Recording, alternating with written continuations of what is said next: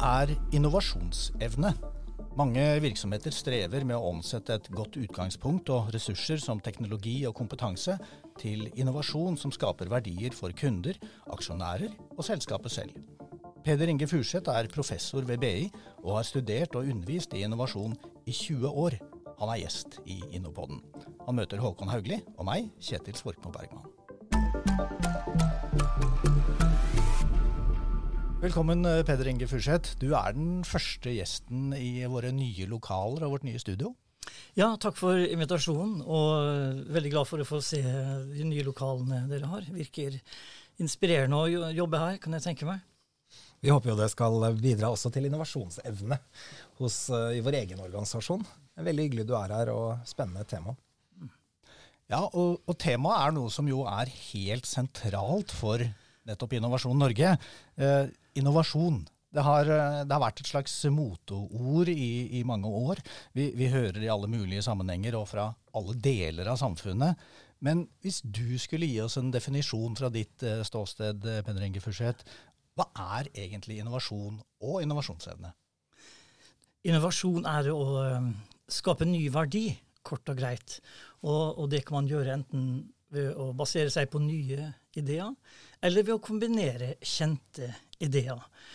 Det finnes sikkert hundrevis av definisjoner av innovasjon, men uh, alle de jeg har sett, da uh, inngår disse tingene her med å skape ny verdi uh, på bakgrunn av kjente eller nye ideer. Og, og, så, så, det syns jeg er en grei avklaring på det.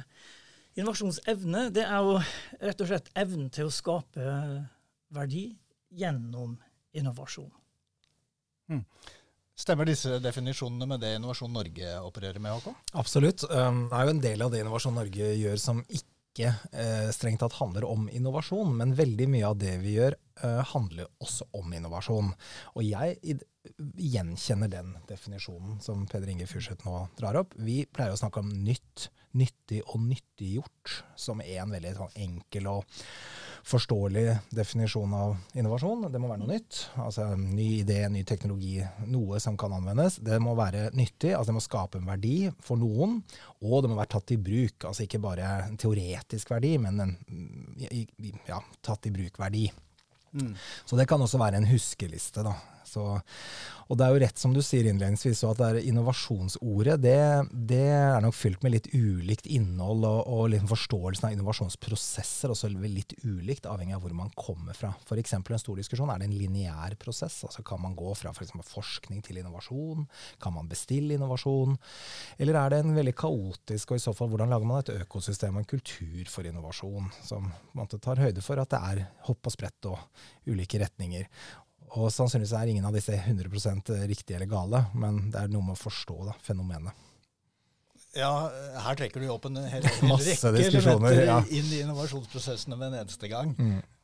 Um, Kunne kanskje legge til at uh, um, siste 10-15 årene så har det kommet uh, gode modeller og perspektiv uh, for å jobbe mer konkret med innovasjon. Det har kanskje vært et svevende uh, begrep for mange, men, men det er veldig bra at det har kommet klare modeller og perspektiver som gjør det lettere og enklere og mer oversiktlig å jobbe med innovasjon, enten en stor bedrift eller liten eller ny eller tradisjonell.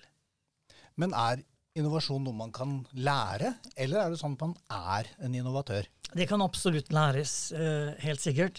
Noen uh, har jo et veldig talent for å tenke på nye ting, men husk at innovasjon er også å bringe noe frem på et marked. Det er ikke bare å komme opp med en ny idé.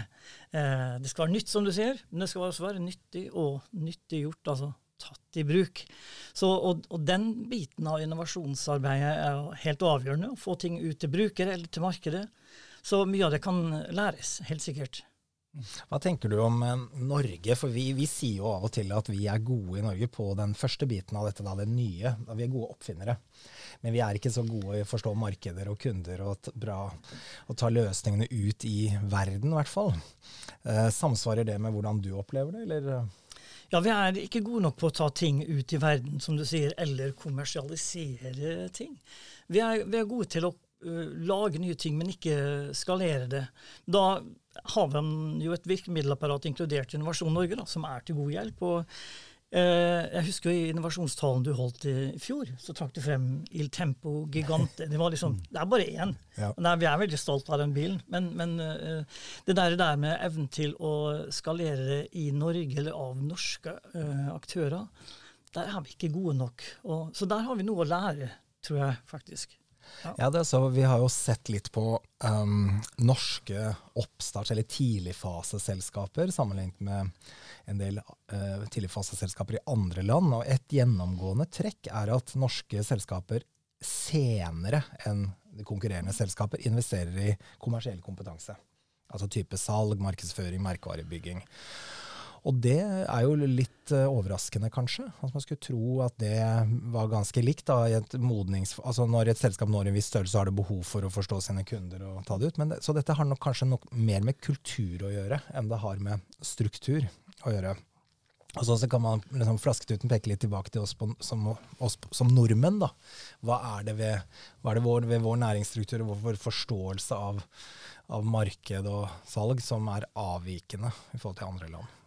Kanskje vi har en for sterk f.eks. ingeniørkultur. altså Vi er veldig vant til at uh, verdier skapes gjennom ingeniørbragder, mer enn kundeforståelse. Og, og der er du vel inne på et, et stikkord for uh, nettopp uh, Peder Inge Furseth og, og, og, ditt arbeid. Du er veldig opptatt av kultur for innovasjon. Fortell om det. Ja, altså jeg tror at Hvis man skal trekke frem to stikkord, så er det innovasjonsevne og så er det kultur for innovasjon. Så vi kan ha så mange fine virkemidler og så mye penger vi vil i bedrifter eller ressurser. Men hvis det ikke er en uh, god kultur for det, så kommer vi uh, veldig kort av gårde. Og det det går på, er en kultur for endring. Den er veldig viktig. Og det tror jeg vi har fokusert for lite på. Uh, innovasjon er et tverrfaglig begrep. Um, mange har økonomisk bakgrunn eller ingeniørbakgrunn. Veldig få har bakgrunn fra sosiologi eller antropologi når det gjelder det, eh, dette med kultur for innovasjon, dessverre. Og Der tror jeg kanskje at eh, en del har noe å, å lære. Eh, altså En bedrift kan ha en sterk kultur, men det kan bety at den ikke er endringsvillig. Så det som er clouet, er å ha en sterk kultur for uh, endring og en sterk kultur for innovasjon. Der tror jeg vi alle har en jobb å gjøre. Hvis noen sitter og hører noe på dette, og så tenker de å hjelp, min virksomhet er nok ikke preget av innovasjonskultur. Hva vil være ditt råd? Hvor skal de begynne? De kan, altså det er et begrep som heter uh, kulturell og strukturell treghet. Alle bedrifter som er store og som har eksistert en god stund, de, de, de må jo på en måte ha et system for hvordan de jobber og organiserer og utvikler seg. Men det oppstår en treghet hvis man ikke uh, forholder seg til endringer i markedet hele tiden. Så det å kunne ha fokus på markedet, uh, og hvordan det utvikler seg, uh, det, det, er veldig viktig. Så man må kunne gjøre to ting på en gang. Både tenke strategisk, men også operativt. mange er kanskje helt oppslukt av det operative og, og tenker for lite på å utvikle denne bedriften eller tenker for, li, eller for lite bevisst på at det vil oppstå en treghet som en helt naturlig. Men det, man kan begynne der. Mm.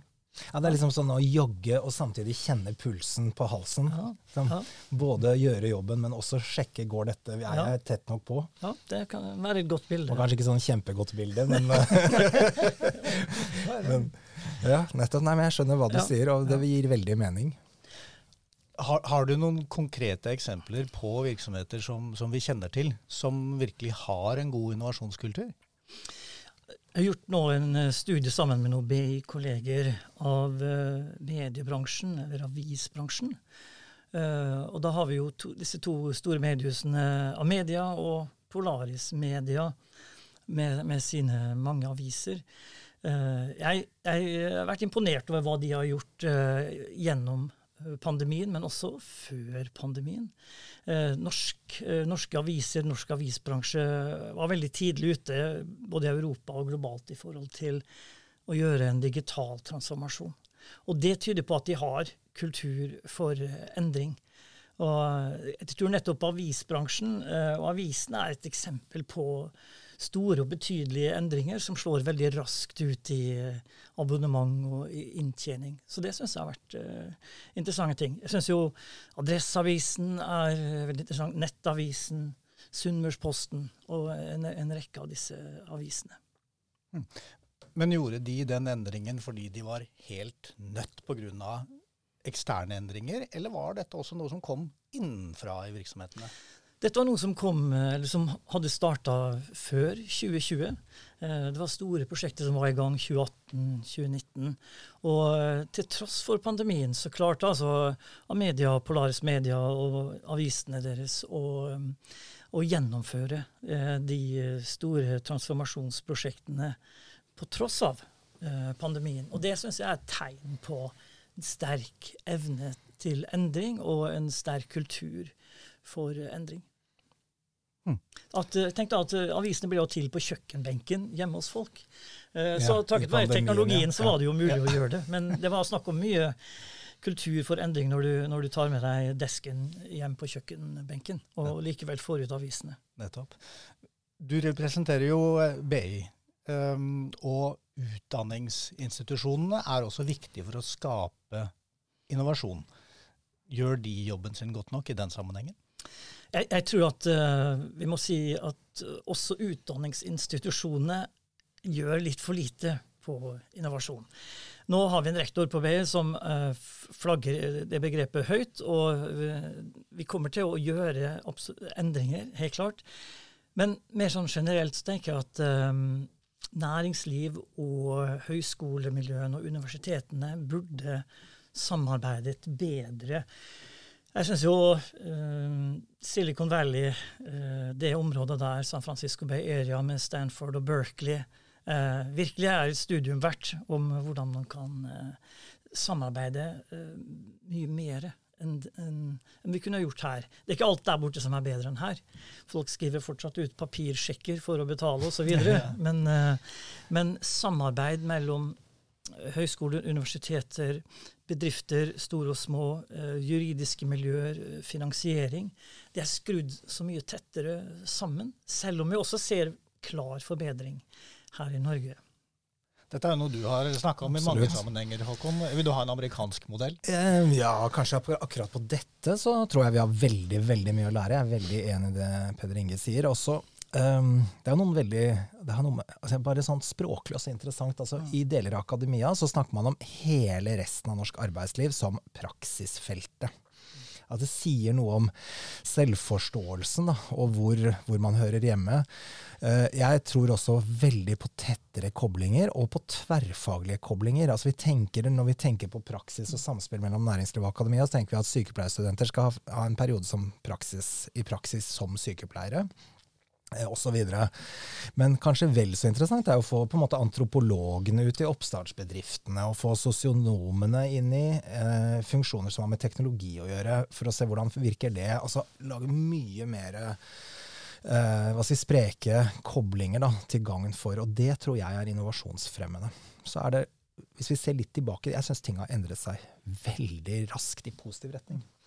Fra bare noen få tilbake, år tilbake, kanskje la oss si fem år tilbake, så opplevde jeg sånne ord som marked og kunde og til og med bruker som litt sånn tabubelagte i deler av akademia. Det føler jeg det er den tiden er over. Og det, der tror jeg kanskje også pandemien, hvis jeg er litt så filosofisk, hjalp oss litt. fordi da måtte vi veldig raskt da utvikle vaksiner.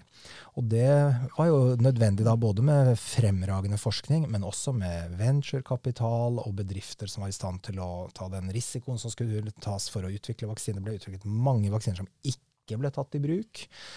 Så, og alle hadde en veldig bevissthet på at det, de løsningene som skulle utvikles, også fra forskningen, skulle, skulle noen bruke. Så det gjorde noe med oss, da. Og jeg tror det, det er et, bare ett av mange bilder da, på at det har skjedd noe. Men her har vi fortsatt potensial. For oss å gå tilbake til spørsmålet. Stanford er til stor inspirasjon. Også fordi ikke bare er det slik at næringsliv og, og akademia samspiller godt, men det er et helt system rundt Stanford, med investorer, med rådgivere, med en hel altså, skog av etablerte bedrifter og oppstartsbedrifter, som gjør at du får et samspill som på en måte hvor Stanford er mer en katalysator enn i førersetet for mange av de prosessene. Og det er spennende. Mm. Vi kunne kanskje sett litt til England også. Uh, for altså, ordet tverrfaglighet tror jeg har vært tatt mer på alvor uh, i akademia og næringslivet i uh, England. I Norge syns jeg ordet tverrfaglighet brukes for ofte. Det er et slags honnørord, eller i festtaler trekker vi kanskje frem det. Men det uh, savner jeg, å ha mer, uh, flere program, uh, utdanningsprogram som virkelig er tverrfaglige. CO Universitetet i Oslo har jo bl.a. startet et nå.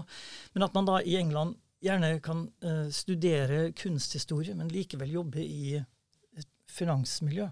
Eller at man bruker folk med annen bakgrunn. Eh, og det tror jeg skaper også en, eh, en, originalitet, egentlig. Nye løsninger. Og det, da nærmer vi oss i en innovasjon. Skape ny verdi. Mm. Enten du kombinerer eh, kjente ideer og tanker, eller, eller, bruker nye.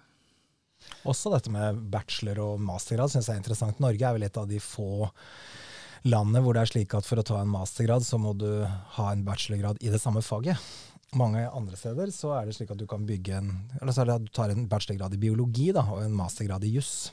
Og det, Da bygger du jo inn tverrfagligheten og den språk, altså den basen da, som ligger i det faget, i selve graden din. Så Det er også en spennende tanke. Da kan vi få til mer av det. Og så er det jo sånn at uh, det offentlige virkemiddelapparatet, som jo mm. Innovasjon Norge er en del av, uh, er også en viktig faktor for å, å, skape den kulturen for innovasjon og de økosystemene som må til. Uh, og man kan gjerne diskutere innretningen av virkemiddelapparatet. Hva tenker du om det, sett fra, fra ditt ståsted og, og basert på din forskning?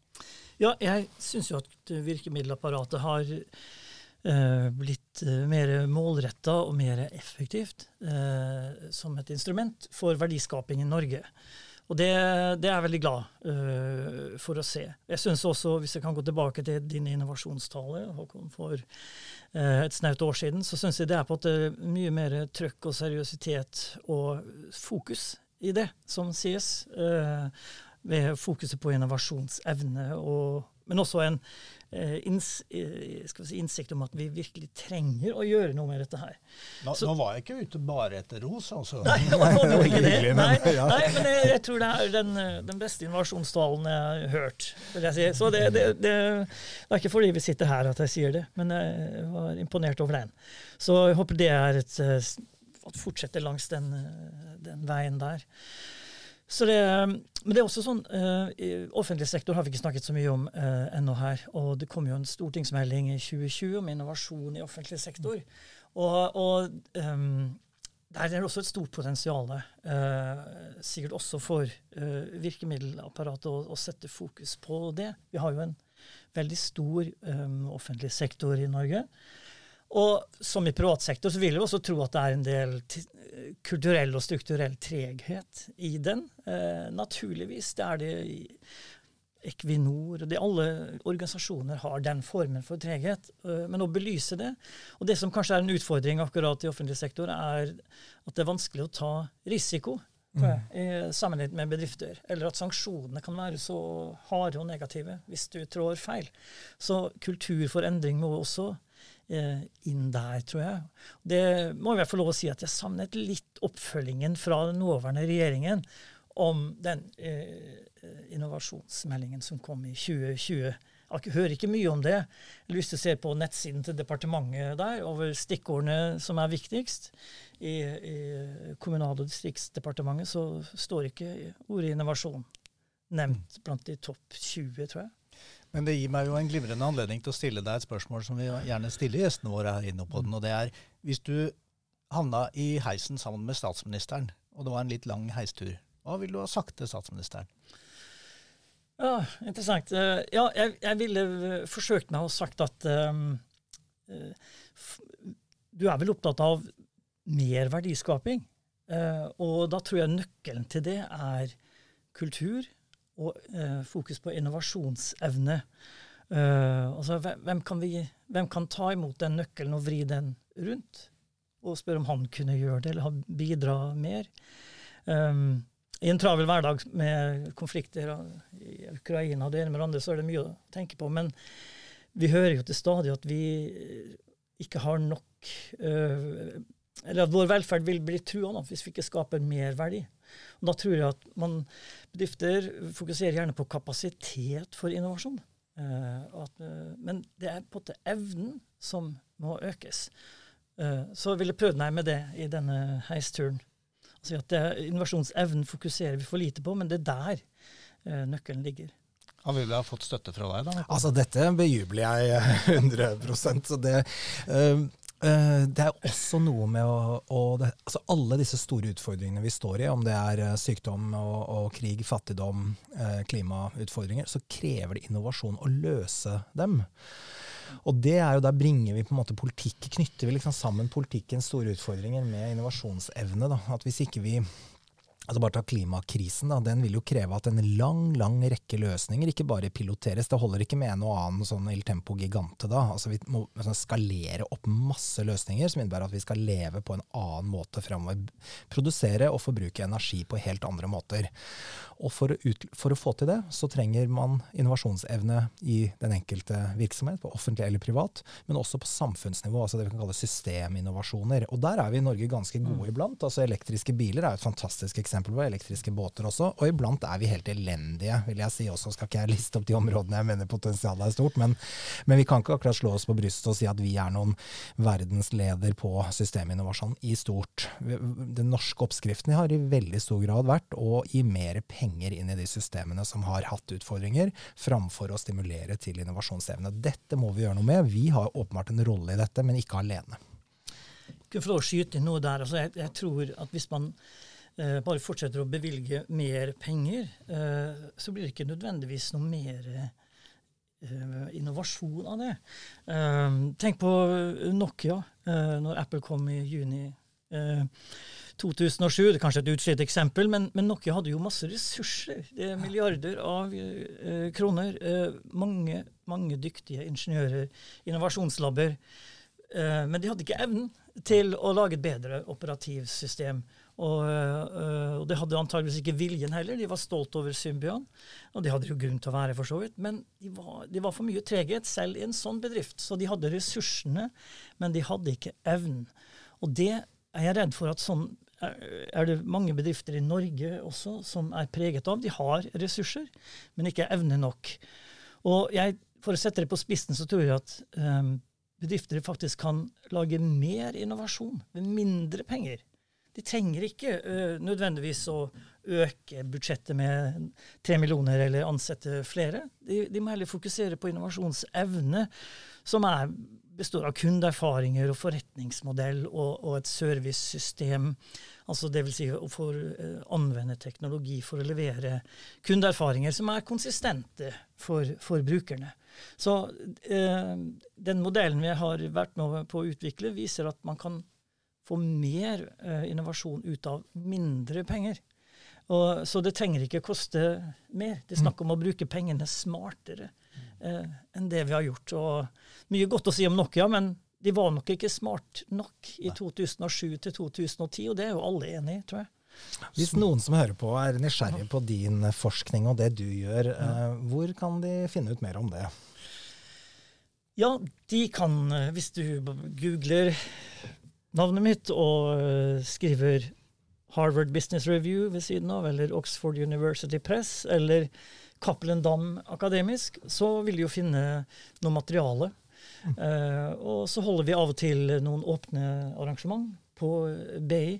Uh, ligger på kalenderen der en sånn en gang i året eller to. Så åpner vi dørene og snakker om innovasjon. Både meg og flere av mine dyktige kolleger mm, der oppe. Da tror jeg vi lar den lille salgspitchen der være avslutningen på denne utgaven av eh, Innopoden. Takk skal du ha, Peder Inge Furseth, professor ved BI, for at du var med oss. Og takk til eh, Håkon Haugli, administrerende direktør i Innovasjon Norge. Mitt navn er Kjetil Svorkmo Bergman. Vi høres igjen i Innopoden.